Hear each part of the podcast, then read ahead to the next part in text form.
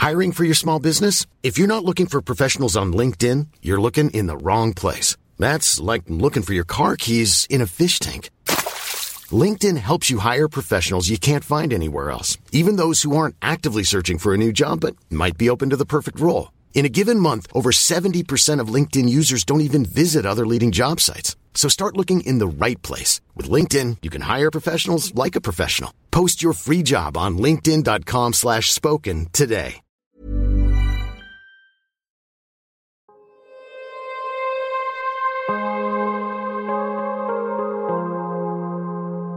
Vores mentale sundhed er nedadgående, og det er til trods for, at vi aldrig har været rigere, aldrig har haft flere muligheder og aldrig har levet længere. Det skal vi selvfølgelig tale højt om, så vi kan blive klogere på, hvordan vi får det bedre. Podcasten her handler om, hvordan vi kan lykkes med at være gladest og friest muligt i det ene, ofte ret travle liv, vi har. Og den handler om, hvordan vi kan lykkes med at være både professionelt ambitiøse og passe på os selv på samme tid. Jeg taler med eksperter og privatpersoner om alt det, der fylder inden i os. Min erfaring er, at når vi taler højt om de ting, så opdager vi, at der er mange andre, der bøvler med de samme ting. Og jeg tror virkelig på, at vi kan lære af og inspirere hinanden ved at dele vores sårbarheder, erfaring og viden. Så velkommen til Vores Mentale Sundhed, en Mindcare Collective podcast. Jeg håber meget, at du vil lytte med, og at du følger med på min Mindcare Collective profil på Instagram, hvor jeg hver dag deler indhold til refleksion, motivation og inspiration. Jeg hedder Lea Helmand. I dag er det tid til en personlig beretning. Jeg har Naomi i studiet, som har en ret vild og en ret trist historie. Vi skal tale lidt om historien i sig selv, som handler om en kæreste, der viser sig at være både mentalt og fysisk voldelig og enormt grænseoverskridende. Men vi skal også og nok især tale om, hvilke konsekvenser forholdet har haft for Naomis liv, for hendes mentale sundhed og trivsel. Og så skal vi tale om, hvad Naomi ville ønske, at hun havde vidst og gjort anderledes dengang det hele var aller værst. Formålet med afsnittet er at tale højt om en problemstilling og et emne, der er både vanskelige og stadig delvist tabuiseret i dag. Jeg håber, at du vil lytte med. Inden vi starter, vil jeg som altid også lige nævne, at du helt gratis og nemt kan støtte, at der bliver ved med at komme nye afsnit af vores mentale sundhed. Det gør du selvfølgelig først og fremmest ved at dele, at du lytter med derude. Derudover betyder det selvfølgelig også rigtig meget, hvis du rater podcasten, anmelder den og subscriber til den i din podcast-app, hvis du kan lide det, du hører. Du kan også donere et valgfrit beløb til podcasten. Det gør du via MobilePay-nummeret 155503, som du også kan se i tekststykket under afsnittet her. Det er alt sammen med til at støtte, at der kan blive ved med at komme nye afsnit. Tusind tak. Velkommen til, Naomi. Tak. Hvordan har du det i dag, Naomi? Altså lige nu er jeg lidt spændt, mm. men øh, jeg har det rigtig godt. Tak. Det er godt. Jeg er rigtig glad for, at du har lyst til at mod på at være her i dag. Vi skal tale om din historie, og helt kort fortalt, der havde du været sammen med din ekskæreste, som vi i dagens afsnit kalder Morten, i cirka tre måneder i det, der virkede som en stormende forelskelse, da du blev gravid med tvillinger. Men ret hurtigt der finder du ud af, at noget ligesom er galt, og du kunne ikke rigtig sætte fingeren på, hvad det helt præcist var, og det var svært for dig at tale højt om, fordi du havde selv valgt det forhold, du var i. Og det viste sig, at Morten han var ustabil, og han løj, og han var fysisk og mentalt voldelig mod dig. Det var han under din graviditet, men også efter, at du fødte jeres tvillinger. I september sidste år, altså i 2022, da dine tvillingepiger de var fem år, der fik du endelig den fulde forældremyndighed over dine børn. Og det har af gode grunde været nogle meget opslidende og mentalt hårde år for dig siden 2015, hvor du mødte Morten. Og i dag skal vi altså tale om din historie. Vi to, vi har haft en lang snak om din historie som forberedelse til det her afsnit, og din historie den strækker sig over flere år, så det er jo selvfølgelig en smule begrænset, hvad vi kan nå på den times tid, vi har i dag. Men jeg tænker, at vi skal tale om grundelementerne i din historie, og som vi to også talte om i sin tid, så er det her en historie, i hvert fald ud fra mit perspektiv, i den rigtig alvorlige ende af spektret, og dem findes der desværre jo også en del af derude. Men der findes jo også masser af relationer og forhold, der slet ikke er lige så farlige og alvorlige som dit og Mortens var, men som alligevel er dysfunktionelle i, i en eller anden grad, eller som er grænseoverskridende. Og det er egentlig det, som du og jeg ønsker at sætte fokus på i dag. Altså det her med, at det kan være relevant for mange at blive bedre til at lytte til sine egne grænser i, i usunde relationer, og det er vigtigt at tale højt om de ting, man måske selv føler er lidt forkerte, eller som man måske ikke selv kan, kan regne helt ud. Mm. Er du enig i det? Ja. ja, det er jeg meget enig i. Og jeg synes jo, at den her historie er virkelig, virkelig relevant og også spændende, fordi da jeg hørte om den, var jeg sådan, wow, den er sindssyg. Mm. Og det, der er så interessant i det, er, at man kan gå i det og måske, og det tænker jeg, vi kommer tilbage til, men vide, at noget er galt, men ikke rigtig vide, hvor man skal gå hen med det, og hvor er grænsen, og er det egentlig galt, mm. og hvornår skal jeg gøre noget, mm. osv. Og det skal vi selvfølgelig tale meget mere om. Inden vi springer ud i det, så vil jeg gerne lige som altid starte med at introducere dig helt ja. kort. Du hedder Naomi, du er 33 år og i dag mor til tre. Du arbejder på en café i den by, du bor i, som madmor. Og så er du ambassadør for en NGO, der hjælper udsatte kvinder. Du er med dine egne ord et sted i dit liv, hvor du er 100% optaget af at dele med, med alt det, du har været igennem, og du fokuserer på at øge din kærlighed til dig selv med længder, som du siger det selv, så du i fremtiden aldrig vil udsætte dig selv for usunde relationer igen, hverken kærlighedsrelationer eller arbejdsrelaterede relationer. Mm. Og så er du fokuseret på at vise dine børn, at du prioriterer dig selv og din mentale sundhed højt. Ja. Mm-hmm. Med de ord tænker jeg, at vi kaster os ud i din historie, Naomi. Spændende. Ja. Du har fortalt mig, at det her forhold til Morten, det startede som en ret vild forelskelse. Og den forelskelse fortsatte faktisk ret lang tid, på trods af, at der også var tvivl og nogle andre ting. Kan du ikke starte med at fortælle, hvad det var ved Morten, du blev forelsket i? Hmm. Altså, øhm, for det første bare som, som typemæssigt, så havde han en sport, han gik op i, som han var virkelig, virkelig god til. Og det er bare sådan noget, jeg synes er bare sådan, ej hvor fedt, man har en hobby, hvad man er god til, og man går op i, og sådan, så det synes jeg var tiltrækkende. Men udover det, så, så tror jeg lidt, at det show, eller hvad man kan sige, han viste mig, det, det faldt jeg bare 100% øh, for. Altså den opmærksomhed, han gav mig, og de komplimenter, han gav mig. Og jeg tænkte bare sådan, wow, tænk der en, der synes så godt om mig, og ej, det må bare være et perfekt match det her. Så jeg, jeg troede virkelig faktisk i starten, at ej, det må være sådan soulmate, det her. Hvad var det, han fik dig til at føle? Jamen, øh, han, han så mig, følte jeg. Og jeg tror, det er det der med, altså sådan en type, type menneske som ham, de gør jo det der med at lovebombe i starten, så man bare kan føle sådan, wow, altså en person, som virkelig prøver at imponere en. Og det, det gør de ved at komplementere en rigtig meget, men så også øh, spejler ligesom er gode til at se, hvad for nogle værdier har jeg, og hvad er mit kærlighedssprog, og så spejle det tilbage, så man føler, man er på bølgelængde, mm. øh, hvis du forstår. Så, så det var sådan, det startede, og det, det, det følte jeg mig tryg i øh, i begyndelsen.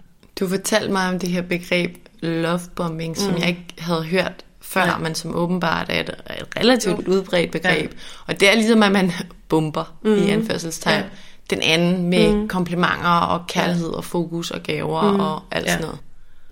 Øh, ja, og det var også sådan, det startede. Og jeg tror, at altså, nogle karaktertræk ved lovebombing, det er også, at det går meget hurtigt. Mm. Øh, og det kan være helt vildt svært at vide, er det lovebombing det her, eller er det bare en almindelig forelskelse? Fordi når man er forelsket, det er jo øh, altså en form for sindssyg, altså man er fanget i, ikke? så det er sindssygt svært at finde ud af, ej, er det her usundt, eller er det her bare helt vildt øh, godt og rart og alt det der, ikke?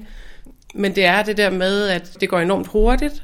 Øh, altså man går hurtigt frem, man ses rigtig meget. Øh, der gik jo heller ikke særlig lang tid, før at vi nærmest boede sammen. Fordi det bare var sådan, wow, vi kan slet ikke få nok af hinanden. Og, øh, du ved, øh, ja. Så noget med, det går rigtig hurtigt, og sådan lidt overdrevet meget opmærksomhed. Jeg kan huske, du fortalte et eksempel, som gjorde indtryk på mig, hvor du fortæller, at I ligesom har været sammen, sammen mm. for en af de første gange, og ja. han ligesom tager på din mave og ja, siger, ej, det. måske har vi lavet ja, en baby. Ja, det havde selv tænkt over. Ja. Ja. Ja, ja, det gjorde han. Det er ret vildt. Ja, det var virkelig vildt. Altså, det var faktisk den, den første date, vi havde, der endte vi med at være sammen i 48 timer øh, og kørte op og så hinandens bør- barndomshjem, og du ved, altså udenfor om natten kørte bare forbi, og sådan, her er jeg vokset op, og ej, hvor vildt, og her er jeg vokset op, og wow, du ved, stod og kyssede under stjernerne, og det var virkelig bare sådan romantisk i godsøjnagtigt, ikke? Set retroperspektivt. Øh, men ja, så øh, var vi sammen, ja, og så sagde han derefter det sådan, ej, jeg tænkte, hvis vi havde lavet en baby. Og lige der kan jeg faktisk huske, at jeg tænkte sådan, hey, wow, eller sådan, du ved. Men også bare sådan, ej, okay, hvor sødt sagt. Oh my god, altså tænk, han vil virkelig, skal vi lave et barn? Altså, du ved, så det kan man jo godt se, når man kigger tilbage. Sådan, det var måske lige hurtigt nok at sige det, når man er kendt hinanden i 48 timer. Ikke? Men jeg kan faktisk godt sætte mig ind i den ja. der... Hmm, jeg tror grundlæggende, man siger jo om børn og egentlig mennesker, mm. de jo grundlæggende længes efter kærlighed ikke? Mm. og tryghed. Mm. Og, og hvis man får det at vide fra en anden, mm. uden at den anden har panik i stemmen, Ja, så er det jo et udtryk Det for... Ja, Ja, det gør, man. man. Det gør man, og det er også derfor, at, altså, at jeg ikke har sådan, jeg har ikke dårligt, jeg tænker ikke dårligt om mig selv, om jeg faldt for det, fordi der er mange, når jeg fortalte min historie, sådan, ej okay, kunne du ikke lige lukke lunden, eller hvad, eller sådan, ikke? Men jeg tror, at altså, der er jo, de fleste af os længes jo efter at møde øh, en person, som man kan dele sit liv med, øh, og derfor er man lidt dårligt stillet, han har sagt, når man møder sådan en person, fordi at det virker jo godt, eller du ved, og, ej, og endelig møder man den her person, som man sådan har længtes efter at møde i sit liv, så man er virkelig, altså man, man er lidt svært stillet lige, lige der, ikke? Men øh, ja. At man higer efter det på en eller anden ja, det gør man. Det, mm. det gør jeg i hvert fald i mit liv.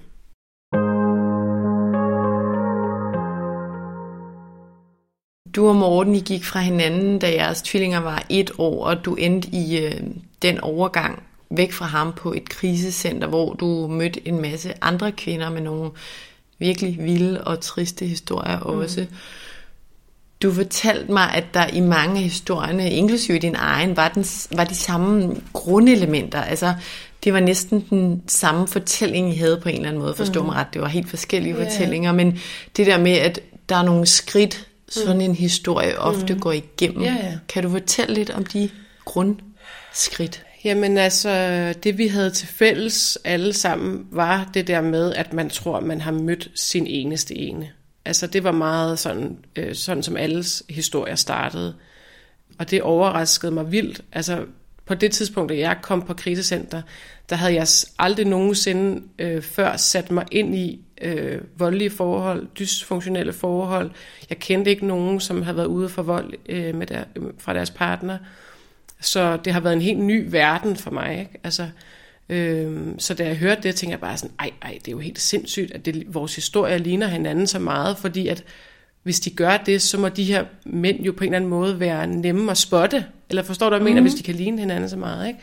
Men altså, det, det startede jeg alle sammen med sådan en dyb, øh, stor forelskelse, øh, og så er tingene gået meget hurtigt. Det har også været et andet karaktertræk, som har været ens for os alle sammen.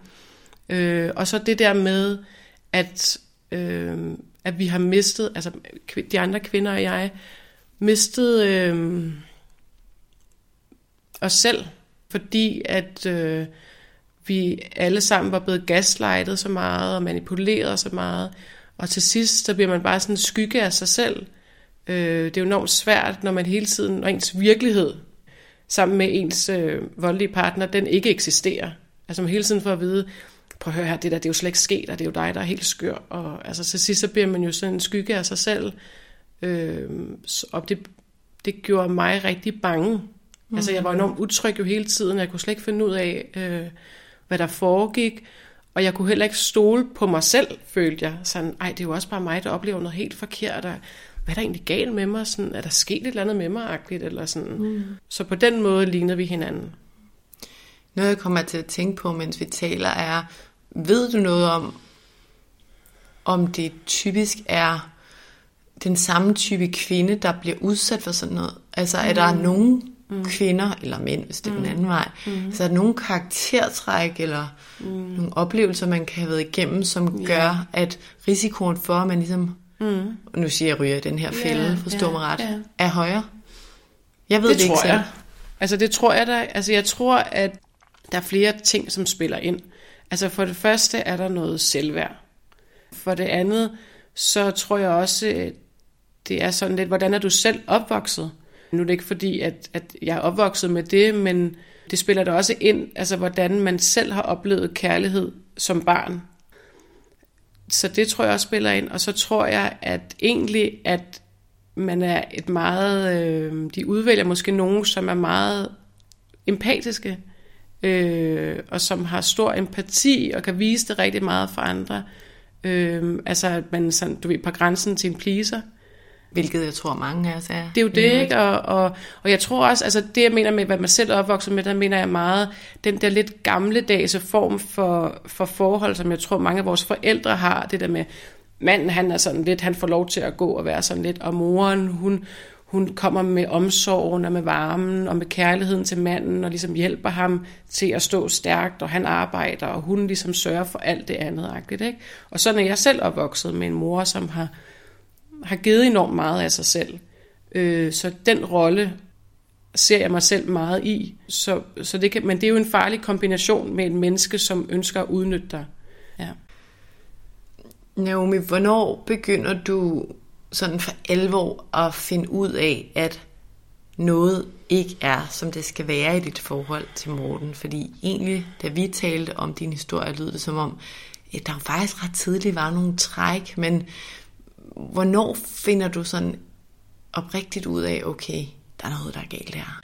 Det er et virkelig godt spørgsmål, og det er faktisk øh, noget, som stadig går op for mig, altså hver dag, at der var noget galt hvis du forstår, hvad jeg mener. Altså, det er noget, som for mig er kommet øh, løbende, den øh, realization hvis man kan sige det sådan. Men altså, det, som jeg jo godt vidste, det var, at det er jo selvfølgelig ikke okay at være sammen med en, som er voldelig, altså fysisk voldelig. Og hvornår begyndte han at være det? Jamen, det var efter pigerne blev født. Der var der sådan flere gange, hvor han var altså troende, troede mig med et knytnæve. Øh, altså han ikke på den måde slået mig med knytnæve, men du ved, troende med knytnæve op i mit ansigt og sådan. Og det kunne jeg jo godt se, at okay, altså hvad fanden, fordi ligegyldigt hvad jeg må have gjort, eller sagt, eller ville, eller noget, så det er jo ikke okay. Øh, så det kunne, vidste jeg godt, at det her, det er ikke i orden. Men det var enormt, altså det var virkelig skamfuldt for mig, fordi at, for det første fordi, at han jo fortalte mig, at det var mig, der var en diva, og jeg var skabet, og jeg var sindssyg, og så det er også svært at komme og sige til nogen, at sådan, jeg opfører mig fuldstændig sindssygt derhjemme, fordi det var sådan, jeg troede, det var mig, der var sindssyg, faktisk, ikke? det var mig, der var for meget. Øhm, og det kan godt være, det lyder sindssygt, når man hører mig sige det sådan, ej, hvordan kunne du tro det? Men hvis man hver dag øhm, får fjernet sin virkelighed, og samtidig får at vide, at man er gal på den, så, så sker der bare noget over tid, altså hvor man mister øh, ens fornemmelse for, hvad der er rigtigt altså, og forkert, og hvem man selv er. Ikke? Og som øhm. du selv siger, når man får fjernet sin virkelighed, så ja. bliver det jo ens virkelighed ja, det er det. langt hen ad vejen. Det er det. Og, og også, jeg blev også altså, en, ikke en svag person, men jo, jeg, jeg havde jo ikke kræfter heller. Jeg blev også, man bliver udmattet af at være sådan et forhold. Ikke? Så, så når man både er udmattet, altså sådan fysisk, altså træt, plus jeg var lige blevet mor til tvillinger, som jeg selv øh, altså, gjorde alt med, så, så jeg var også træt. Øh, så når alle de der ting spiller ind, bliver man da træt, og man, nu er man også altså, psykisk træt, øh, så, øh, så står man bare et sted, hvor man er manipulerbar. Øhm, men ja, men det, men det var nok der, det startede. Men det, jeg mente med det, det var, øh, at det går stadig op for mig, altså mere og mere, hvor, hvor, hvor dybe ar det har sat i mig. Øhm, Ja, så det går, det går stadig op for mig, altså den dag i dag, at det var ikke okay. Og jeg tror, at det tager lang tid for en kvinde eller en mand, der har været udsat for det her. Det tager lang tid øh, at genfinde sig selv øh, og opbygge sig selv på ny, når man har været igennem sådan noget her. Mm. Ja. Du fortalte mig også, at da du lå højgravid med de her tvillinger, jeres tvillinger, mm. med svangerskabsforgiftning, der ja. får du på en eller anden måde at vide af bagvej, mm, ja. at han ser en anden. Ja. Kan du ikke fortælle lidt om det, og om hvad jo. du tænker i den situation? Jo. Ja, ja, altså... Ja, det var meget øh, ubehageligt. Jo, men det gjorde jeg faktisk flere gange. Altså, der var faktisk flere kvinder, der skrev til mig sådan, hey, du kærester med ham her, fordi det er jeg faktisk også. Og, altså, øhm, og jo, og så da jeg har født tvillingerne, faktisk den dag, vi kommer hjem, der øh, er han sådan, jeg vil gerne lige, jeg, jeg har behov for lige at snakke med dig. Øh, og der ved jeg ikke, at nogen rigtig tæt på mig har konfronteret ham med, at de ved, at han har et forhold til en anden. Øh, det ved jeg ikke, for de har sagt til ham, du får selv chancen for at sige det. Øh, så den dag, vi kommer hjem faktisk fra hospitalet med tvillingerne, der øh, er han sådan, hey, jeg skal lige fortælle dig noget. Jeg kunne bare mærke sådan, åh oh, nej, hvad nu? Agtigt, ikke? Øh, så, og så fortæller han mig så, at øh, han havde været sammen med en anden, men han mente ikke noget med det, og du ved, han græd, og, og jeg kan bare huske, at jeg bare sådan, jeg frøs bare indeni. Altså, øh, det var jo ikke første gang, jeg havde hørt det her med, at han havde været sammen med en anden, og det var også i min graviditet. Og hvad fanden skulle jeg gøre? Jeg vidste simpelthen ikke, du ved, nu var jeg, nu har, skulle vi have børn, altså vi skulle have tvillinger sammen. Der er ligesom no way back der. Øhm, men ja, så fortæller han mig der, at han har set en anden en, og han var rigtig ked af det over det, han græd. Og, og jeg kan egentlig huske, at det endte med, at sådan, jeg trøstede ham. og jeg tror, det er det, som også er meget sådan, et, et karaktertræk ved sådan nogle, det er, at øh, de er hele tiden offeret. Du ved, det var synd for ham, og han havde også haft en svær barndom, og det var også noget at gøre med alt muligt beting med det. Så du ved, jeg kan bare huske, at det endte med, og så bagefter sad jeg for mig selv og var sådan, wow, hvad fanden skete der lige? Altså, var det mig, der sad og trøstede ham egentlig? Hvad fanden skete der lige? Men vi havde jo også et, et, et øh, forhold, hvor at jeg havde jo prøvet af og til at være sådan, hey på hør, øh, jeg føler sådan og sådan, eller jeg synes altså ikke, det her du gør er særlig rart, eller hvorfor spørger du ikke ind til mig, eller et eller andet. Øh, og det var ikke gået godt nogle af gangene. Så jeg tror også, at lige der var jeg ligesom blevet groomet nok til, at han har sagt, at sådan, nå, nederen, du ved, det er synd for mig, og nu skal det bare, du ved, op på hesten-agtigt, ikke? Tror du, det er måske svært at svare på sådan retroperspektivt, men ja. tror du, hvis du ikke havde været gravid, at du var gået fra ham i den her periode, hvor du er gravid? Ja, det håber jeg da ved Gud, jeg havde. altså, det kan jeg da, det, det tror jeg. Men jeg synes, det er svært at sige. Altså, øhm, det, det, er virkelig, det er virkelig svært i sådan nogle her, og det er simpelthen det er også rigtig svært at fortælle, hvorfor det er så svært, fordi man tænker jo sådan, ej okay, det gider jeg fandme ikke finde mig i, hvis det var mig og sådan noget.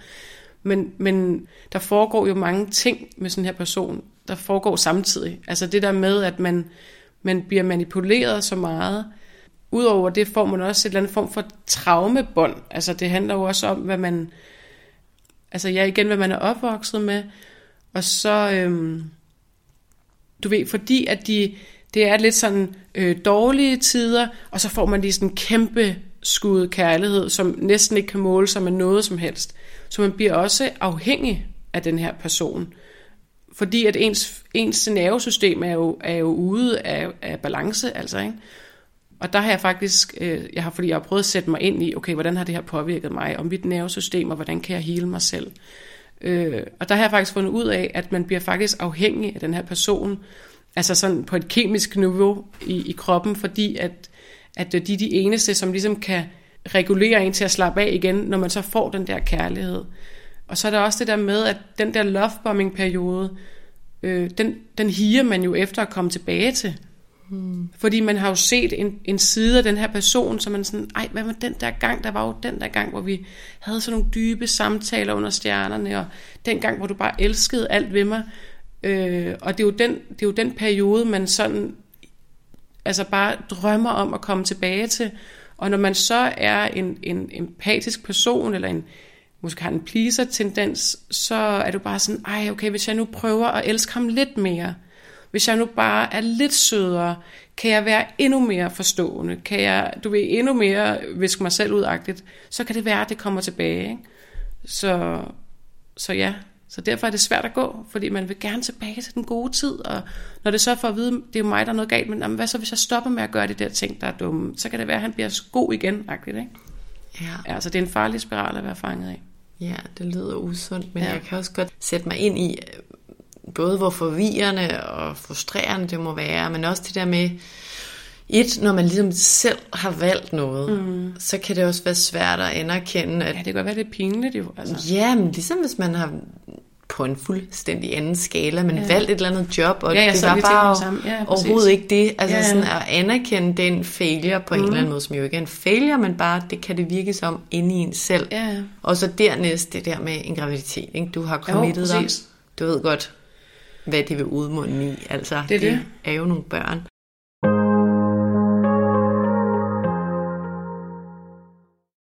Kan du ikke fortælle lidt mere om, hvad det her forhold gør ved dig og ved dit liv og din trivsel i den periode, du, du er sammen med Morten? Altså, hvordan havde du det i livet i den periode? Ej, jeg havde det rigtig dårligt. Altså, det havde jeg virkelig... Altså, jeg var jo lige blevet mor for det første til tvillinger, ikke? Øh, og jeg har altid drømt om at blive mor. Så at jeg havde det så dårligt, øh, gjorde mig rigtig ked af det. Fordi at jeg har bare tænkt, hvis jeg nogensinde bliver mor, så kommer jeg bare til at næle det der rolle. Ikke? Og det havde jeg virkelig glædet mig til at, at prøve kræfter med. Altså, hvor, hvor god en mor kan jeg være. Ikke? Og da jeg så havde det så dårligt, så var det bare sådan endnu et, et rap over nallerne. Sådan, Ej, okay, ikke engang her føler jeg, at jeg er god nok. Sådan. Så, så med det var det rigtig svært. Og så øhm, var det jo mega ødelæggende altså for mig at være i det forhold. Ikke? Så jeg havde det, jeg havde det rigtig dårligt. Det havde jeg.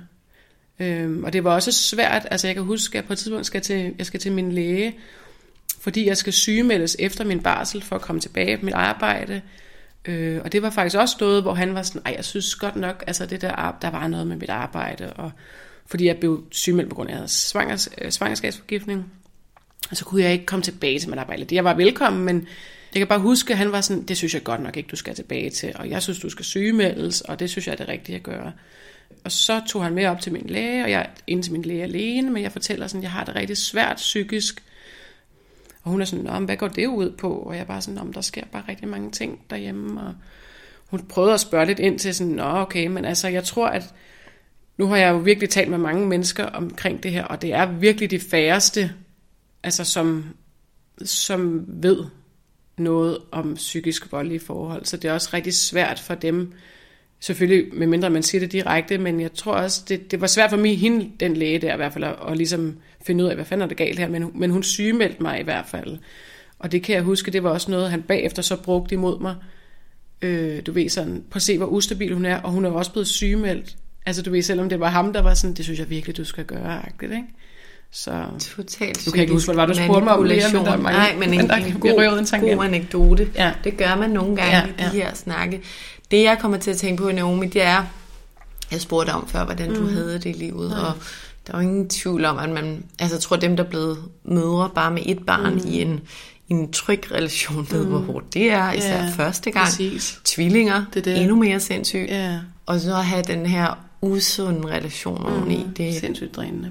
Meget. Ja, det var det. Hvad er det, der gør i den her periode, at du ikke fortæller nogen om det? Altså jeg tænker, din familie eller dine venner, mm. altså det er jo tydeligt, at du selv er i tvivl om, mm. hvor du skal stå i det her, og hvad, om du egentlig er for meget mm. og dramatisk, som yeah. han påpeger. Mm.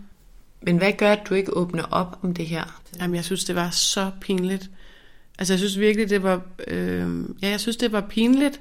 Og så var jeg også selv i tvivl om, hvad sandheden var, ikke? Så, så en kombination af, jeg synes, det var pinligt. Og det var pinligt på den måde, at sådan, ej, okay, på tænk.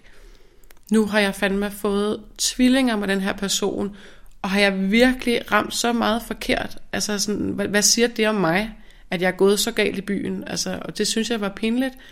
Og så var det jo også noget sådan praktisk, altså sådan, okay, hvis vi så går fra hinanden, øh, og jeg er helt nede i en kulkælder, så skal jeg jo bo hos mine forældre eller hvad, og kan de rumme det, og kommer jeg så her og fylder alt for meget? Så der var også noget praktik i, sådan, altså hvor skal jeg så gå hen, eller sådan, ikke? Men jeg, jeg, jeg Jeg kan huske, at jeg, altså det, jeg tror også, det var, jeg, jeg talte med min mor om det på et tidspunkt, hvor jeg fortalte hende sådan lidt omkring, at han var blevet meget, meget, meget sur, altså og smadrede alle mine ting, og, eller ikke alle mine ting, men han havde smadret nogle lamper, der var mine i lejligheden, og jeg blev nødt til at gå med børnene. Og så ringer jeg til hende på den her tur og fortæller sådan, at det er sket, og hun er sådan, ej, ej, ej, altså på hør, det er jo ikke i orden. Og jeg kan bare huske, at jeg siger til hende sådan, du må ikke sige til far. Fordi jeg bare tænker sådan, altså hvis min bror eller min far får det her at vide, så, så kommer de jo ind efter ham. Eller sådan, hvad, hvad, altså jeg synes, du ved, jeg var bange for os sådan, hvordan vil folk reagere over for ham, fordi det kan ramme mig selv. Hmm. I, altså til sidst, fordi jeg tænker sådan, okay, men hvis nogen så siger til ham, på hør her kammerat, sådan der opfører man sig fandme ikke. Når de så går, så står jeg der, øh, hej, og så ved jeg bare, at det bliver ikke særlig hyggeligt. Så det var også, det var også noget med, at jeg ikke ture. Altså at sige det til nogen. Og det er også noget, som jeg efterfølgende har syntes var så altså et nederen spørgsmål, du ved, fra vi har jo været i retten mange gange, og modpartens øh, advokat har spurgt flere gange sådan, hvorfor ringer du ikke bare til politiet? Og det synes jeg bare, sådan, det skal de bare vide, det, det er verdens mest taglige spørgsmål, fordi at det er sådan, for det første, så skal der virkelig meget til, øh, før at man, øh, at politiet tager det alvorligt. Altså du ved, der skal man nærmest ligge fuldstændig øh, sønderbanket, før at, okay, så der er noget galt her, ikke? Så det er jo også svært at ringe og fortælle sådan, øh, han taler rigtig grimt til mig, du ved, hvad skal jeg gøre? Han har lige troet mig med en knytnæve.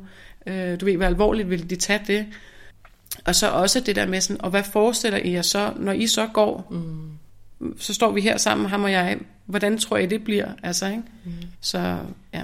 Det må være en uendelig svær situation at ja, være Ja, det var det virkelig. Og det der med, det mentalt og fysisk, eller slået psykisk, det er jo bare... Ja så uhåndgribeligt, ikke? Ja. hvis man ikke er inde i det. Men det er også derfor, det er virkelig vigtigt, at der, altså, at der kommer fokus på det. Fordi på, dengang, da det skete for mig, at det er jo ved at være fem år siden, øh, altså på de fem her år her, der er jo sket rigtig, rigtig meget. Altså for eksempel Danner, der har lavet den der nye, øh, hvad hedder det, kampagne med, ser du de røde flag?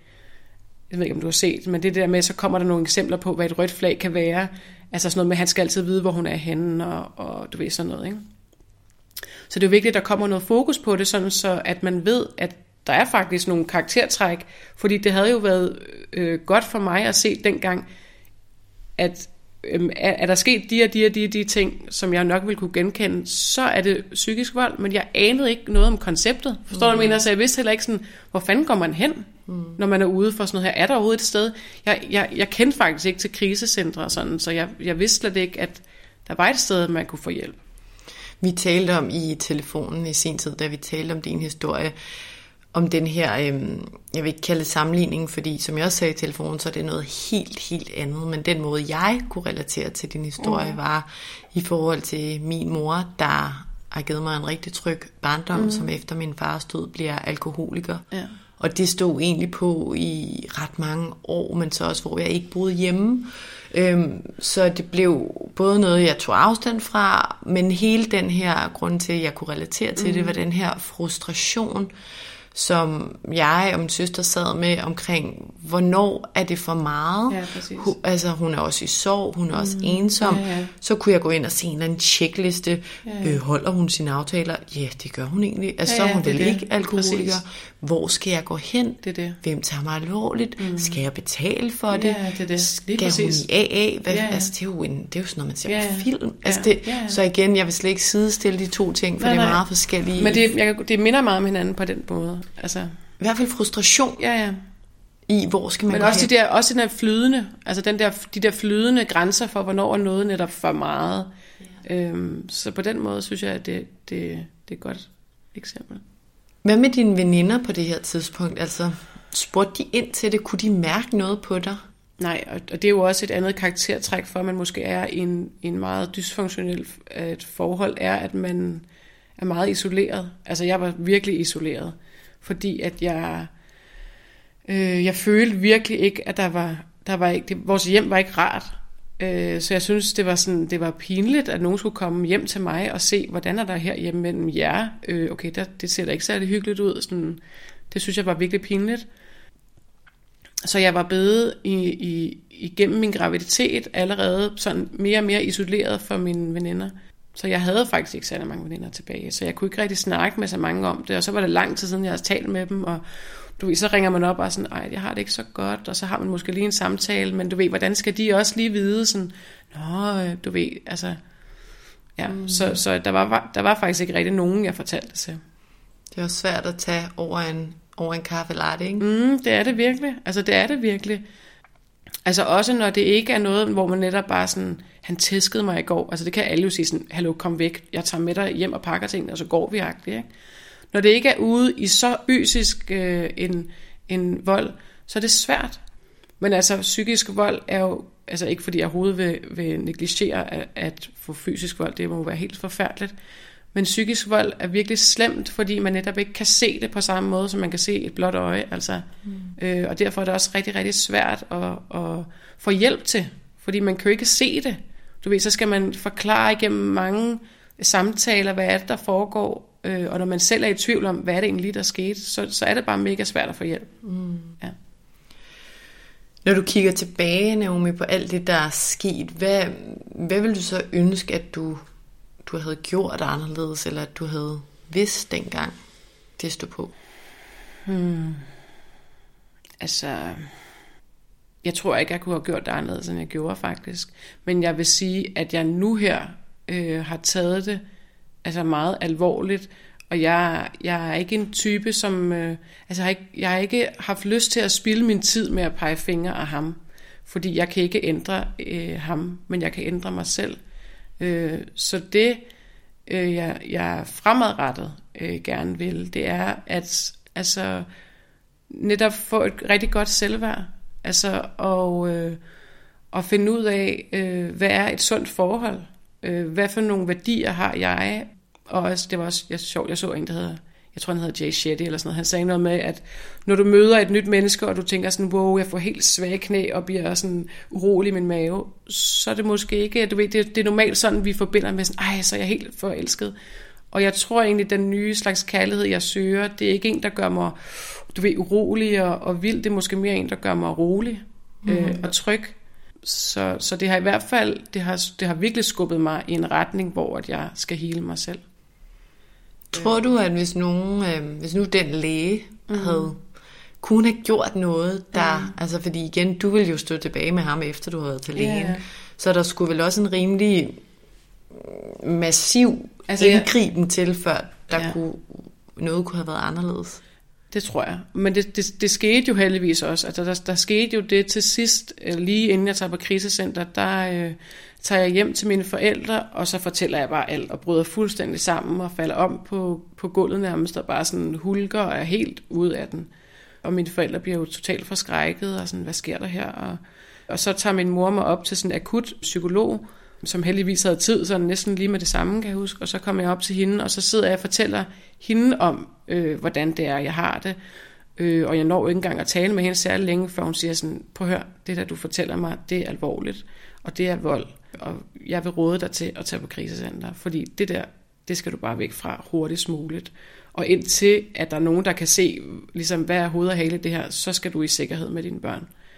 Så det handler jo også om at komme det rigtige sted hen, altså du ved, hvor nogen ligesom kan genkende nogle professionelle, som kan se sådan, hey, på hør, det der, det er ikke i orden. Hvad tænkte du lige, da hun sagde det til dig? En forløsning. Altså jeg, blev, jeg kan huske, jeg virkelig blev så forløst, øh, fordi det var jo det, jeg følte selv. Altså det var jo alle de tanker, jeg selv havde haft sådan, det her det er jo ikke i orden, og det er jo ikke okay. Og, men jeg måtte jo ikke være der med de følelser. Så det var en kæmpe forløsning, at, at, at hun kunne se det. Øh, ja, det var det virkelig, og jeg var sådan, endelig må jeg være her, agtigt. Altså til stede i min verden, at der er nogen, der kan se sådan, det her det er ikke okay. Og jeg tror også, jeg havde jo også faktisk prøvet i tiden i vores forhold at tale med faktisk nogen fra hans familie. Og de havde, altså det var faktisk lidt sådan med manipulation, føler jeg, for de var meget sådan, nå ja, vi sover heller ikke så meget. Og sådan noget. Jeg var sådan, what the, altså, men derfor må man da ikke slå, agtigt. altså du ved sådan, ikke? Så det var helt ja, det var sgu ikke okay. Men det var rart at få at vide fra en professionel, objektivt, du ved, der kommer ind og ser sådan, det her, det er ikke i orden.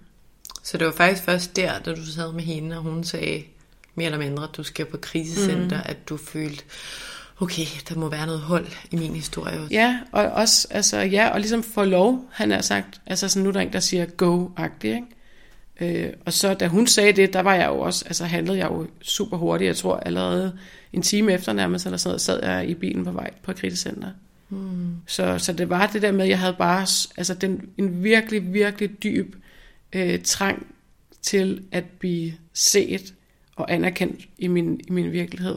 Så da hun ligesom gav mig den, og hun, og hun fortalte mig på hør, det her det er ikke okay, der var jeg bare sådan, okay, go, sådan, nu skal jeg videre. Hun sagde det, det er fint nok, det er okay, jeg må godt, du ved, føle det her, det er sandt nok afsted, agtigt, ikke?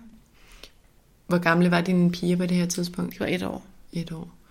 Hvad, hvad siger Morten til, at du tager på krisecenter? Jamen, det ved han jo ikke. Altså, jeg, jeg kommer også afsted uden... Øh, altså, det er jo noget, som for mig skete øh, meget, altså virkelig impulsivt jo. Altså, det var hende, psykologen, der sagde det der, og så var jeg bare sådan fint afsted. Øh, så han vidste det jo ikke. Og det er jo også det, der ligesom er ideen med krisecenter, det er netop, at de ikke ved, at, øh, at hvor man er henne. Ikke? Hvor så, troede han, du var? Det ved jeg faktisk ikke. Det aner jeg ikke.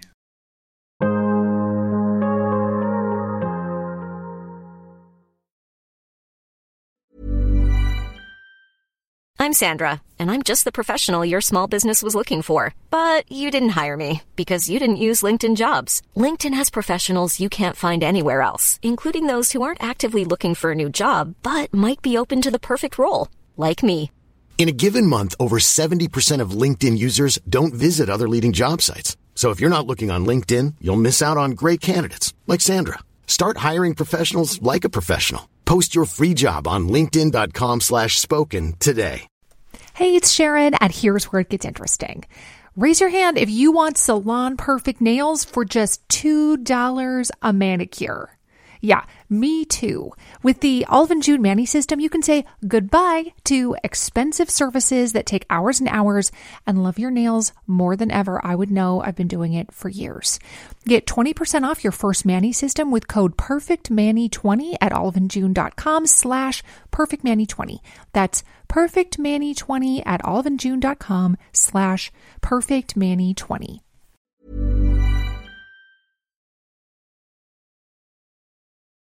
Naomi, det, det har jo helt sådan grundlæggende været nogle, nogle virkelig hårde og opslidende mm. år for dig, siden ja, du faktisk møder Morten. Mm. Hvis du skal kigge hen over hele perioden og hele historien fra dig og Morten møde, som mens I sammen, til I går fra hinanden, mm. og til i dag egentlig, hvad er så det, der har været de allersværeste ting eller mm. elementer i en rejse, der jo overordnet har været svær. Mm. Altså, øhm, som vi også har talt om, så, så tror jeg, at altså, noget af det sværeste øh, ved det her, det er, at man også er i et system. Altså i en børnehaverelation med nogle pædagoger, og når man øh, skal ud og sådan noget her, så skal man jo i retten, og, og derfor har man ligesom nogle relation til nogle instanser. Øh, og her øh, har jeg synes det var sindssygt svært at være så øh, udmattet, altså psykisk, og have det dårligt. Øh, jeg fik jo også, altså for nylig efter jeg fik, øh, lige inden jeg fik øh, den fulde forældremyndighed, fik jeg konstateret PTSD. Og den diagnose skulle jeg nok have haft, altså allerede dengang. Men jeg synes, altså jeg turer virkelig ikke, du ved bare sige sådan, åh, altså falde helt sammen og bare vise sådan, jeg er fuldstændig udmattet, hjælp mig. Det er fordi, at jeg skulle også vise, øh, jeg er en stærk person, jeg er en stabil mor, jeg har det godt, du ved, sådan, selvom jeg har været ude for det her, så kan jeg holde hovedet koldt og sådan. Så det der med, at, at ligesom ikke kunne, fordi det er der jo lige pludselig nogen, der sidder og dømmer dig på, Nå, hvordan er hun i dag, hvordan ser hun ud, øh, du ved, er hun frisk, eller ser hun ked af det ud, eller du ved, øh, og samtidig var hans beskyldninger mod mig sådan, hun har altid været en ustabil person, og hun er en dårlig mor, hun har ikke været der, altså løgne, du ved, men det skulle jeg jo ligesom også modbevise. Øh, nej, jeg er ikke nogen dårlig mor. Jeg er en stabil mor. Jeg er frisk i dag. Og sådan, så det var virkelig vigtigt for mig øh, at, at være øh, frisk og, og stabil. I hvert fald lignende. Og det var jo ikke bare noget, jeg fandt på. Altså jeg kunne også mærke på... Jeg havde jo prøvet... Altså det, det, der skete også meget for mig, det var altså manipulation også i børnehaven til personalet, hvor at, øh, du ved, han sagde ting til dem, som ikke passede omkring mig, som jeg lige pludselig skulle stå der og, det, det er et sindssygt svært puslespil med, at man skal holde det hele på sin egen bane, man skal være stabil, og man skal, sådan, du ved, man skal virkelig leve op til noget, for det er jo klart, at når, når nogle pædagoger eller noget hører om sådan noget her, så, så sidder de jo objektivt sådan, Nå, okay, men hvordan kan vi sådan lige, øh, hvad synes vi, hvordan virker hun, eller sådan, ikke? Og så er det jo klart, det er vigtigt at være stabil, men, men det var jeg jo ikke. Altså, jeg havde det jo, jeg havde det jo sindssygt svært, øh, forståeligt, mm. øh, og derfor øh, håber jeg også meget på, at der kommer mere fokus på kvinder, som står i sådan her situation, fordi man har brug for hjælp, og det er okay at sige. Mm. Altså, du ved, der er, jo, der er jo også forskel på at være altså ustabil, fordi at man ligesom måske har en diagnose, altså noget, som er kommet ud af ingenting, han har sagt. Og så er der jo også noget, som er klart, at for mig, at ja, jeg er mega udmattet, fordi jeg har været igennem det her, og jeg skal ikke øh, øh, rækkes ned på, jeg skal have hjælp. Mm. Jeg skal have hjælp til at have det godt. Jeg skal have hjælp til øh, at få dannet mig et hjem sammen med mine børn, hvor vi er i sikkerhed, hvor at jeg kan komme i bedring. Øhm, og det er der ikke nogen skam i. Men, men det har jeg følt, der har været. Øhm, ja. Jeg kan virkelig som mor også sætte mig ind i det der dilemma, og den, mm. Den forklaring, du kommer med her, den situation, den gjorde virkelig indtryk på mig. Ja. Altså igen, hele situationen er jo ja. helt absurd. Ja. Men som mor at være sådan, jeg skal fandme have mm. den forældremyndighed, det fordi... Der Alternativet er, at han får den, og Præcis. jeg ved, hvad han kan gøre. Det er det. Samtidig med at være så mentalt og fysisk udkørt. Ja. Det må virkelig være. Men sådan var det også. Altså, altså, helt, altså helt øh, altså retsmæssigt og systemmæssigt. Jeg havde jo fortalt til min advokat, altså jeg har, jeg har, jeg har ikke noget at skjule omkring min, min psykiske tilstand eller noget. Og min advokat vidste godt, at jeg havde PTSD øh, på det her tidspunkt til sidst, da vi skulle i landsretten. Og, og en af de første gange, vi har talt med hende om det, så var hun sådan, nej, det synes jeg måske ikke lige, altså det behøver vi ikke at sige, fordi det er jo klart, det kan jo give modparten et, et kort på hånden, at nå, okay, så er hun ustabil. Øhm, så det er jo noget, som er sådan, du ved, det synes man, det skal man helst ikke tale for meget om. Og det synes jeg, det, det, det synes jeg ikke er, er rigtigt. Fordi at man er jo ikke en dårlig mor, fordi at man, man er psykisk udmattet af nogle virkelig gode grunde. Hmm. Jeg tænker, der må komme et punkt, altså grunden til de regler er der, nu kender jeg ikke reglerne i detaljer overhovedet, men det er vel, fordi man vil børnene det bedste, og der er en risiko, hvis man er for udkørt eller påvirket mentalt, at man så ikke kan mm. tage sig af de her børn. Ja. Og det er vel den balance, mm. som systemet gerne vil vurdere. Ja, men altså jeg, det, det, det kan da godt være, og jeg, jeg ved også, at, at øh, familieretshuset og alle de der steder, det de slår sig ligesom på, at sådan, hvad er børnets tag her? Men jeg synes, de går, jeg synes på mange måder, de går galt i byen. Altså det der med for eksempel børnets ret til at se begge forældre, øh, det kan da selvfølgelig være en god ting, og, og det kan jeg godt sætte mig ind i, at man har som en af, af sine mål for, for børnene her, de skal have en relation til begge deres forældre. Men det er jo ikke altid, at det er barnets tag. Mm. Og faktisk nogle gange, så tror jeg, at man, man, man går forkert, øh, fordi man vil have, at de skal have en relation til begge forældre. Men, men det er også derfor, at der bliver nødt til at komme mere fokus på det, og derved også noget mere retslig, altså noget, noget form for lov omkring, jamen hvornår er man en god forælder? Øh, altså for mig, at man jo ikke kun en god forælder, fordi man kan lege med sit barn. Altså man er også en god forælder, når man er god mod den anden forælder. Altså at være en god forælder, det rummer jo mange ting, synes jeg personligt. Øh, så, så det handler også om, jamen, er man en god far, hvis man er altså, ondskabsfuld mod barnets mor. Det, det ved jeg ikke, om jeg synes. Så jeg, jeg synes, det, jeg synes det, vi trænger til at ryste posen der, og lige sætte os ind i, øh, der er faktisk mange voldelige forhold. Og hvad vil det sige at være et barn øh, af en person, som er voldelig mod moren? Hvad vil det egentlig sige? Hvad for nogle konsekvenser har det for en? Og en person, som er sådan, hvordan er den person egentlig følelsesmæssigt? Altså også over for sit barn? Du ved, er der, er der nok empati der? Er der nok omsorg? Hvordan, øh, ja, ja.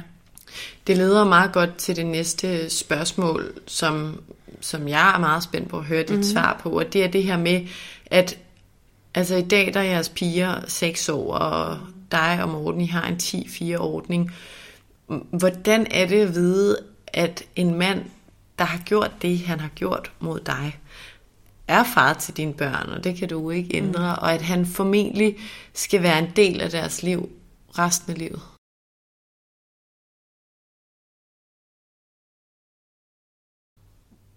Mm.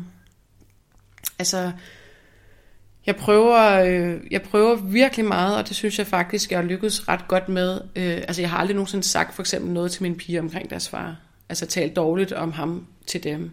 Øh, så jeg prøver rigtig meget at holde min oplevelse på min banehalvdel. Øh, og respektere, at, at de skal opleve deres far ud fra deres syn. Øh, og den den frihed vil jeg gerne give dem i deres kærlighed til deres far, for det er jo klart, at de elsker deres far. Når man jo mega lojal over for begge sine forældre, og det er jo nærmest ligegyldigt, hvad de gør mod en, eller hvad de gør mod den anden forælder. Ikke? Så jeg tænker, at for deres, for deres bedste vil jeg gerne have, at de kan opleve ham ud fra deres egen kærlighed, og den skal de have lov til at have.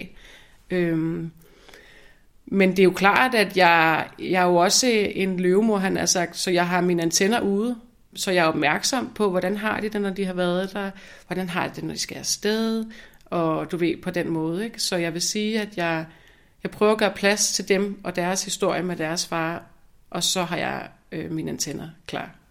Er du bange for, at han kommer til at behandle den på en måde, der bare nærmer sig noget af det, han mm. gjorde mod dig? Altså, det er, jo en, det er jo en frygt, og det er da klart, jeg har jo en frygt, den kan jo... Den, det er jo en fantasi, han er sagt, altså, så det er jo klart, at jeg kan, da, jeg kan frygte alt muligt, ikke? men altså, jeg, om jeg er bange for det.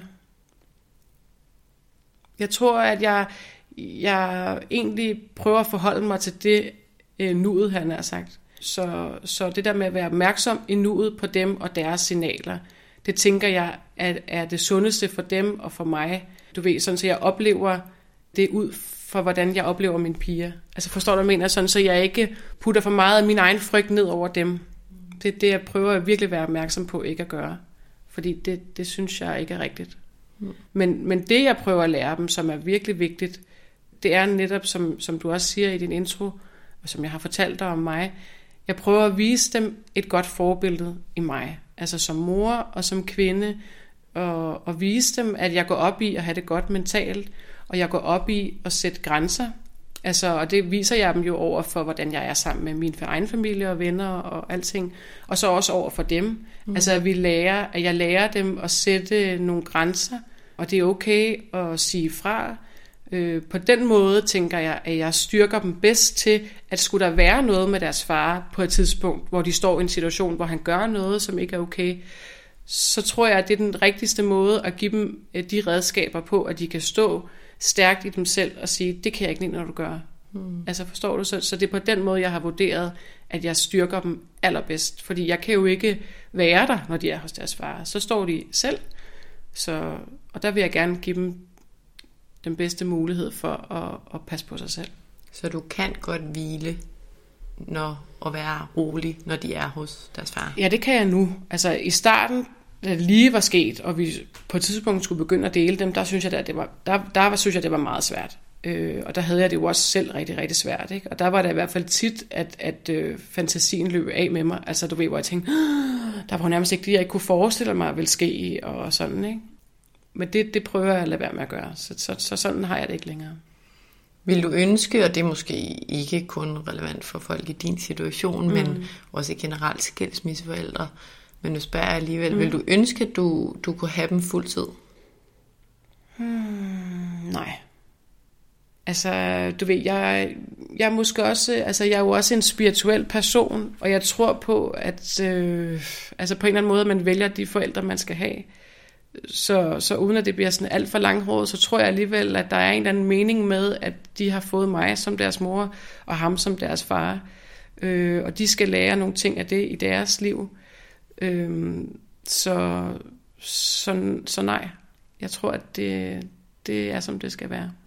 Jeg bliver altid så inspireret af folk, der er spirituelle. Jeg, jeg, jeg er det ikke særlig meget. Jeg er slet ikke imod det. Jeg, jeg bliver bare så Mm, ja, inspireret, fordi mm. det giver så god mening. Ja. Og jeg tror, at nogle kritikere kan være sådan, det er bare en nem måde at se det på. Men hvor er det fantastisk ja. at se det på den måde. Altså jeg tror, det var, det var for mig det eneste, jeg havde tilbage. Mm. Altså, du ved, da, da jeg havde det rigtig, rigtig svært, der var jeg bare sådan, jeg, jeg kunne ikke gøre andet, end at læne mig tilbage i en eller anden form for tillid. Mm. Øh, og det er også den tillid, som har, som har reddet mig. Altså, det er det virkelig. Øh, det er den tillid, som har, som har reddet mig, og som har, har givet mig øh, de gode overbevisninger, jeg har fået til at kunne overleve det her. Altså, ja.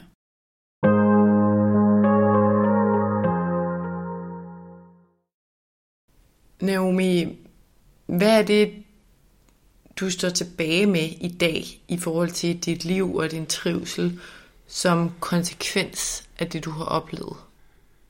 Hmm. Altså, ikke nogen dårlige konsekvenser, føler jeg faktisk. Men det er også, nu, nu fanger du mig på en god dag, han har sagt. Altså, jeg har det godt. Jeg, jeg synes, at det har faktisk, øh, men det har også været, det har været hele min indstilling til det her, og til andet modgang, jeg har haft i mit liv. Øh, det er at lære af det. Altså, jeg har virkelig bare haft som, som, øh, som fokus hele tiden på, okay, hvad kan jeg lære af det her? Hvorfor skal jeg igennem det her? Øh, øh, du ved, øh, og det, når jeg har det fokus, så kan jeg heller ikke andet end at rykke mig. Øh, du ved, havde jeg, havde jeg siddet og haft alt for ondt af mig selv, eller havde jeg siddet og peget alt for meget fingre, så har jeg også, øh, øh, du ved, ansvaret ude af mine hænder, når man kigger sådan på det, ikke? og så kan jeg jo heller ikke ændre noget. Så for mig har det været vigtigt at tage min styrke tilbage, øh, og tage ansvaret tilbage på det, jeg i hvert fald kan, kan, kan styre i fremtiden. Øhm, så jeg, så det, har, det har lært mig rigtig meget om mig selv, og det er det, jeg har haft fokus på. Mm. Øh, så jeg føler mig faktisk øh, virkelig stærk, øh, og jeg føler, at jeg, jeg er lige nu og her også i en periode, hvor jeg har det virkelig godt.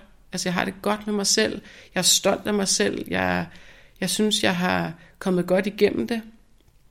Jeg, jeg lykkedes med, øh, føler jeg mere og mere, at være den kvinde, som jeg gerne vil være, og vise mine piger.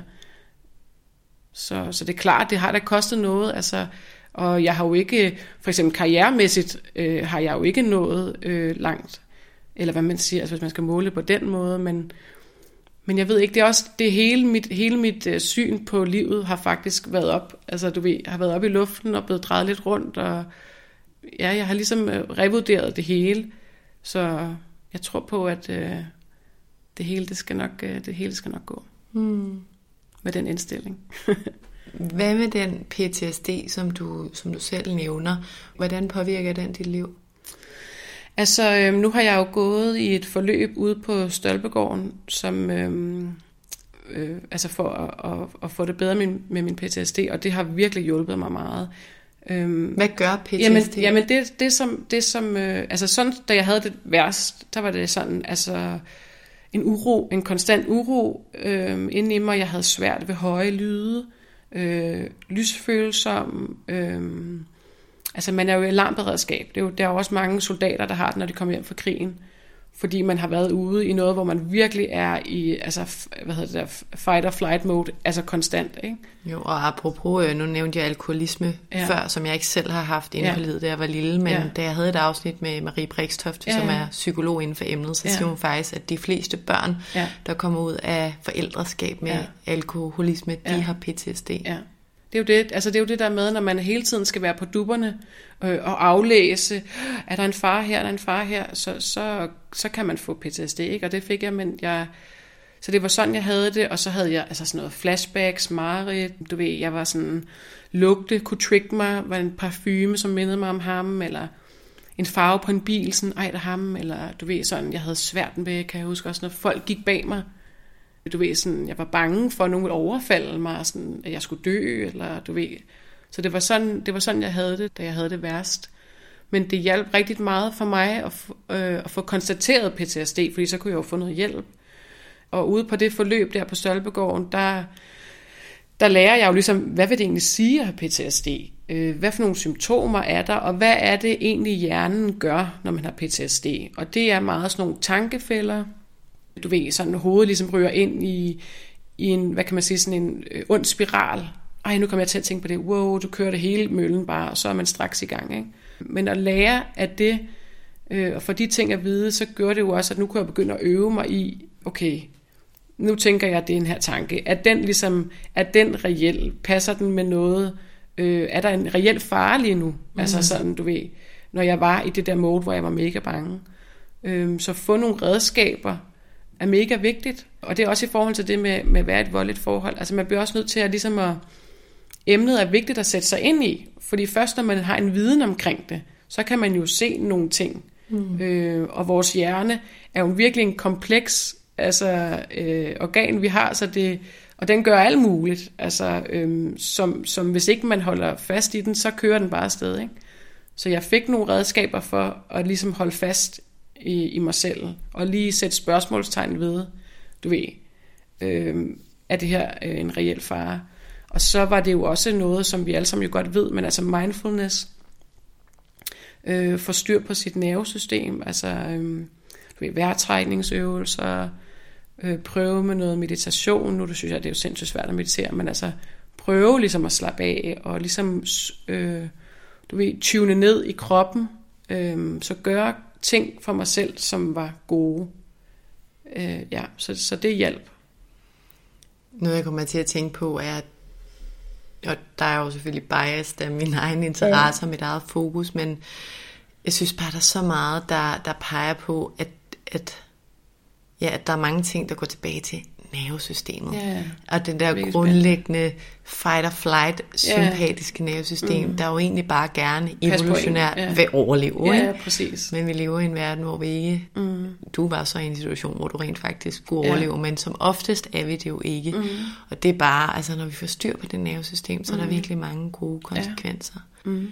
Naomi, som det aller sidste spørgsmål, så plejer jeg jo at spørge min gæst om, hvilke to læringer du gerne vil nævne eller gentage for lytterne. Mm. Og det vil jeg også gerne spørge dig mm. om, men jeg vil gerne stille det spørgsmål med fokus på det her, vi, vi taler om i starten. Altså det her afsnit er jo, synes jeg, en helt vild historie, og jeg synes, mm. det er så vigtigt, at der kommer mere fokus på det her emne. Og jeg synes med, med dem, jeg omgås, at, at det her er en vild historie. Det tror mm. jeg også mange af dem, der lytter med, synes. Ja.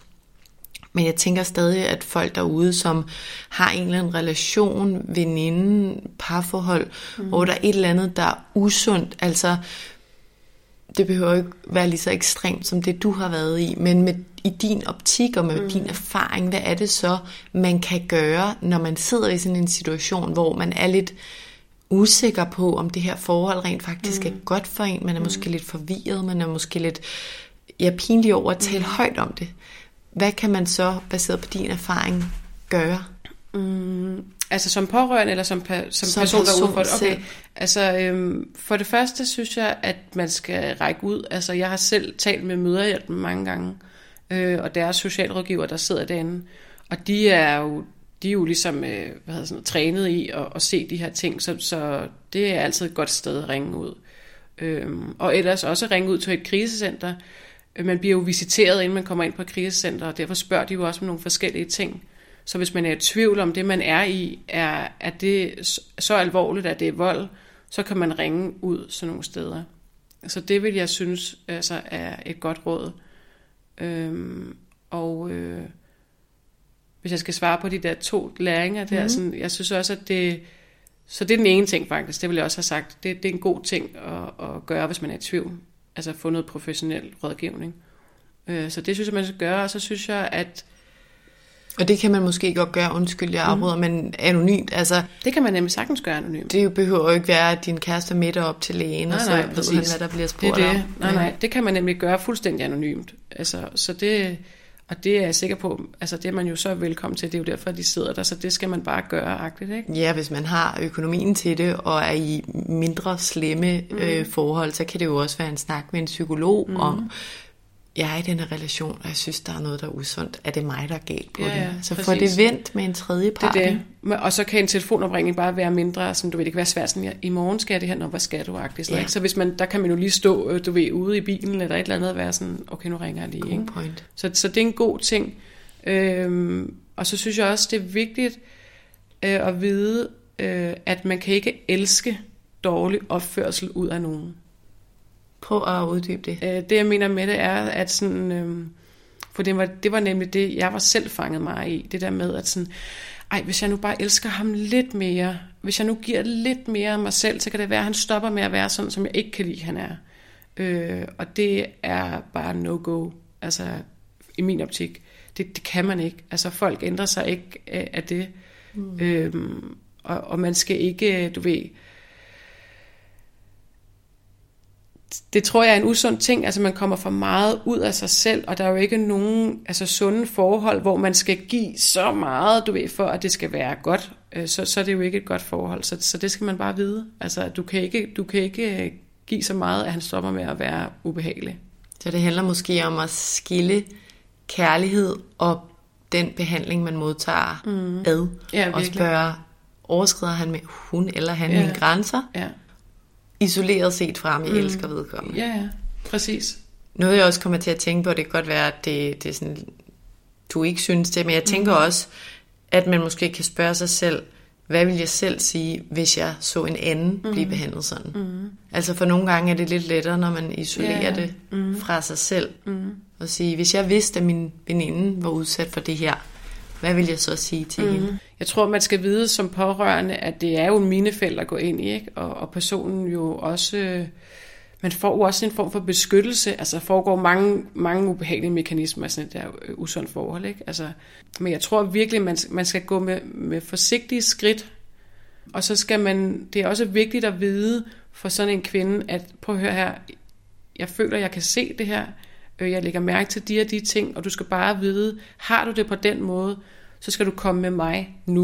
Du, mm. du skal ikke tænke på noget omkring noget med nogle penge, du ikke lige har, eller for der er jo også tit folk, øh, kvinder eller mænd, som er ude for det her. Der er jo også noget med noget økonomi, som man lige pludselig ikke har, mm. øh, fordi man så deler han, så får han penge ind på sin konto, og så, du ved, der kan være alt muligt, ikke? Så det der med, fordi jeg kan huske for mig selv, var det faktisk noget, der stoppede mig for at tage hjem til mine forældre, fordi jeg tænkte sådan, ej, hvad vil de overhovedet sige til det? Altså jeg følte faktisk ikke, de dengang sagde, prøv at høre her, du er bare velkommen, og du flytter ind her, og nu laver vi et værelse, og, sådan, og det kan jeg måske godt lige forstå, men, men re, retroperspektivet havde det virkelig givet mig, tror jeg faktisk, altså mod til at gå, fordi så vidste jeg, okay, jeg er velkommen her, jeg skal ikke tænke på noget, jeg kan bare komme, agtigt, ikke? Mm. Så hvis man kan sige det til en person, du tager bare med, og jeg skal nok passe på dig, agtigt, ikke? Ja, og der taler du fra, fra en relations- eller en, en pårørendes perspektiv, som mm. jo er virkelig vigtigt. Ja. Jeg tænkte mere, hvis jeg bare vidste, sådan hypotetisk, Ja. at en veninde var udsat for det, jeg Ja. selv er udsat for, Ja. vil det være i orden? Men det er måske svært at... Det, det, det, det, Det er en god ikke. øvelse, tror jeg, men det kan man ikke i den situation. Nej. Men det er en, det, den øvelse kan man bruge måske på andre, altså det kan man måske netop bruge med sådan noget med job. Du ved, sidder jeg her, og jeg føler de her ting, og hvad havde jeg gjort, hvis det var mig, agtigt, ikke? Men jeg tror, at det, er- det, det, det er så komplekst, at altså man kan ikke engang, man kan ikke gå ud af sig selv og lige se sig selv på den måde der. Det, det, det, tror jeg faktisk ikke, man kan. Okay, så i sådan fantasiverden Det var var det, tanke, ja, jeg tænkte, nogle gange er det der, hvordan taler jeg til mig selv? Så Ja, ja, vil jeg tale rigtigt. sådan en til en anden? Det vil jeg ikke. Okay. Ja, men det er fordi, at man er så, man er så altså så den der fornuft, mm. som du sidder og har lige nu her, så du tænker, kan man gøre noget fornuftigt i sådan en ubehagelig situation? Men fornuften, den, den er long gone, fordi at man, man er i et, øh, altså man er i alarmberedskab. Og når man er i alarmberedskab, så er man jo bare i overlevelsesmode, og der er der nogle ting, der bliver sorteret fra, for jeg skal overleve det her agtigt, ikke? Så fornuften, tror jeg, er en af de første ting. Ej, nu ved jeg det ikke, jeg er jo hverken forsker eller noget, men du ved, som ryger, det tror jeg bare, fordi så havde man måske kunne gøre noget. Mm. Øh, altså, du ved, taget et skridt væk, eller et eller andet, ikke? Tusind tak, fordi du havde lyst til at være med i dag, Naomi. Selv tak. Din historie, den er uden tvivl virkelig vigtig og alvorlig, og jeg er rigtig glad for, at du havde lyst til at mod på at dele ud af de her erfaringer, og jeg håber, at nogen derude har kunne tage noget brugbart med fra din historie. Det er, det er jeg ret sikker på. Det håber jeg også. Tak, Ja. fordi jeg måtte komme. Tak fordi du ville komme.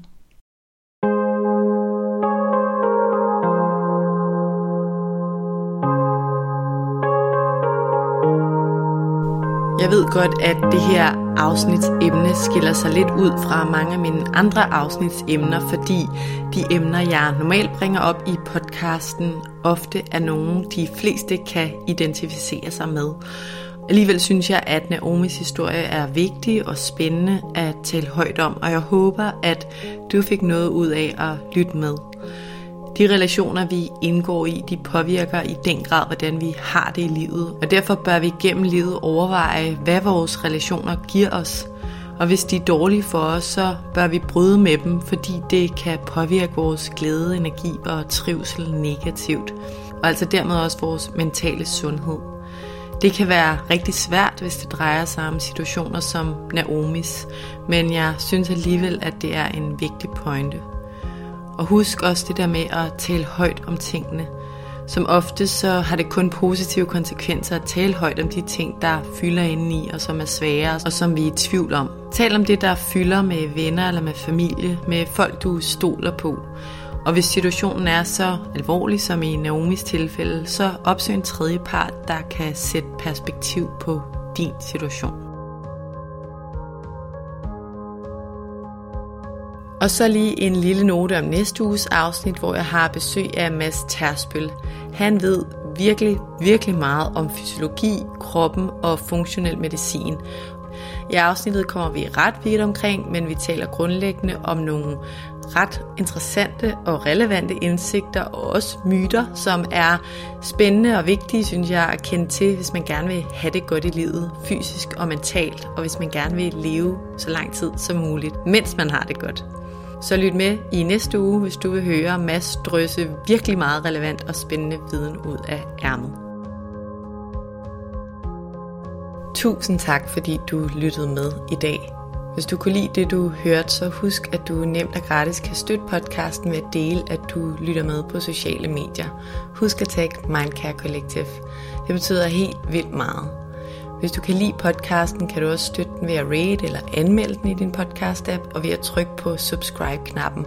Så ved du også altid, hvornår der udkommer et nyt afsnit. Det er alt sammen med til at støtte, at jeg kan blive ved med at lave nye afsnit af vores mentale sundhed. Som det sidste vil jeg også bare lige nævne, at du selvfølgelig altid er velkommen til at række ud, hvis du har feedback, idéer eller noget på hjerte, du gerne vil dele med mig. Du kan skrive til mig via min Instagram-profil, Mindcare Collective, eller via min hjemmeside, mindcarecollective.com. Tak fordi du lyttede med.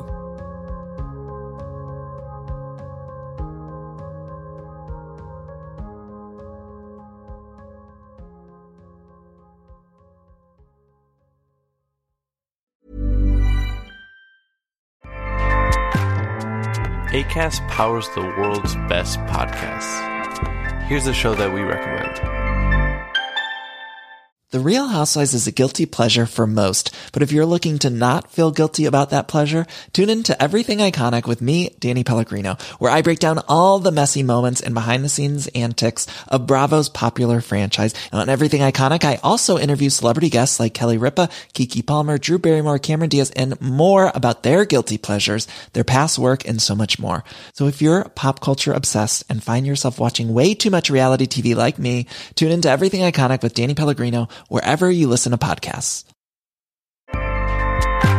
ACAST helps creators launch, grow, and monetize their podcasts everywhere. ACAST.com.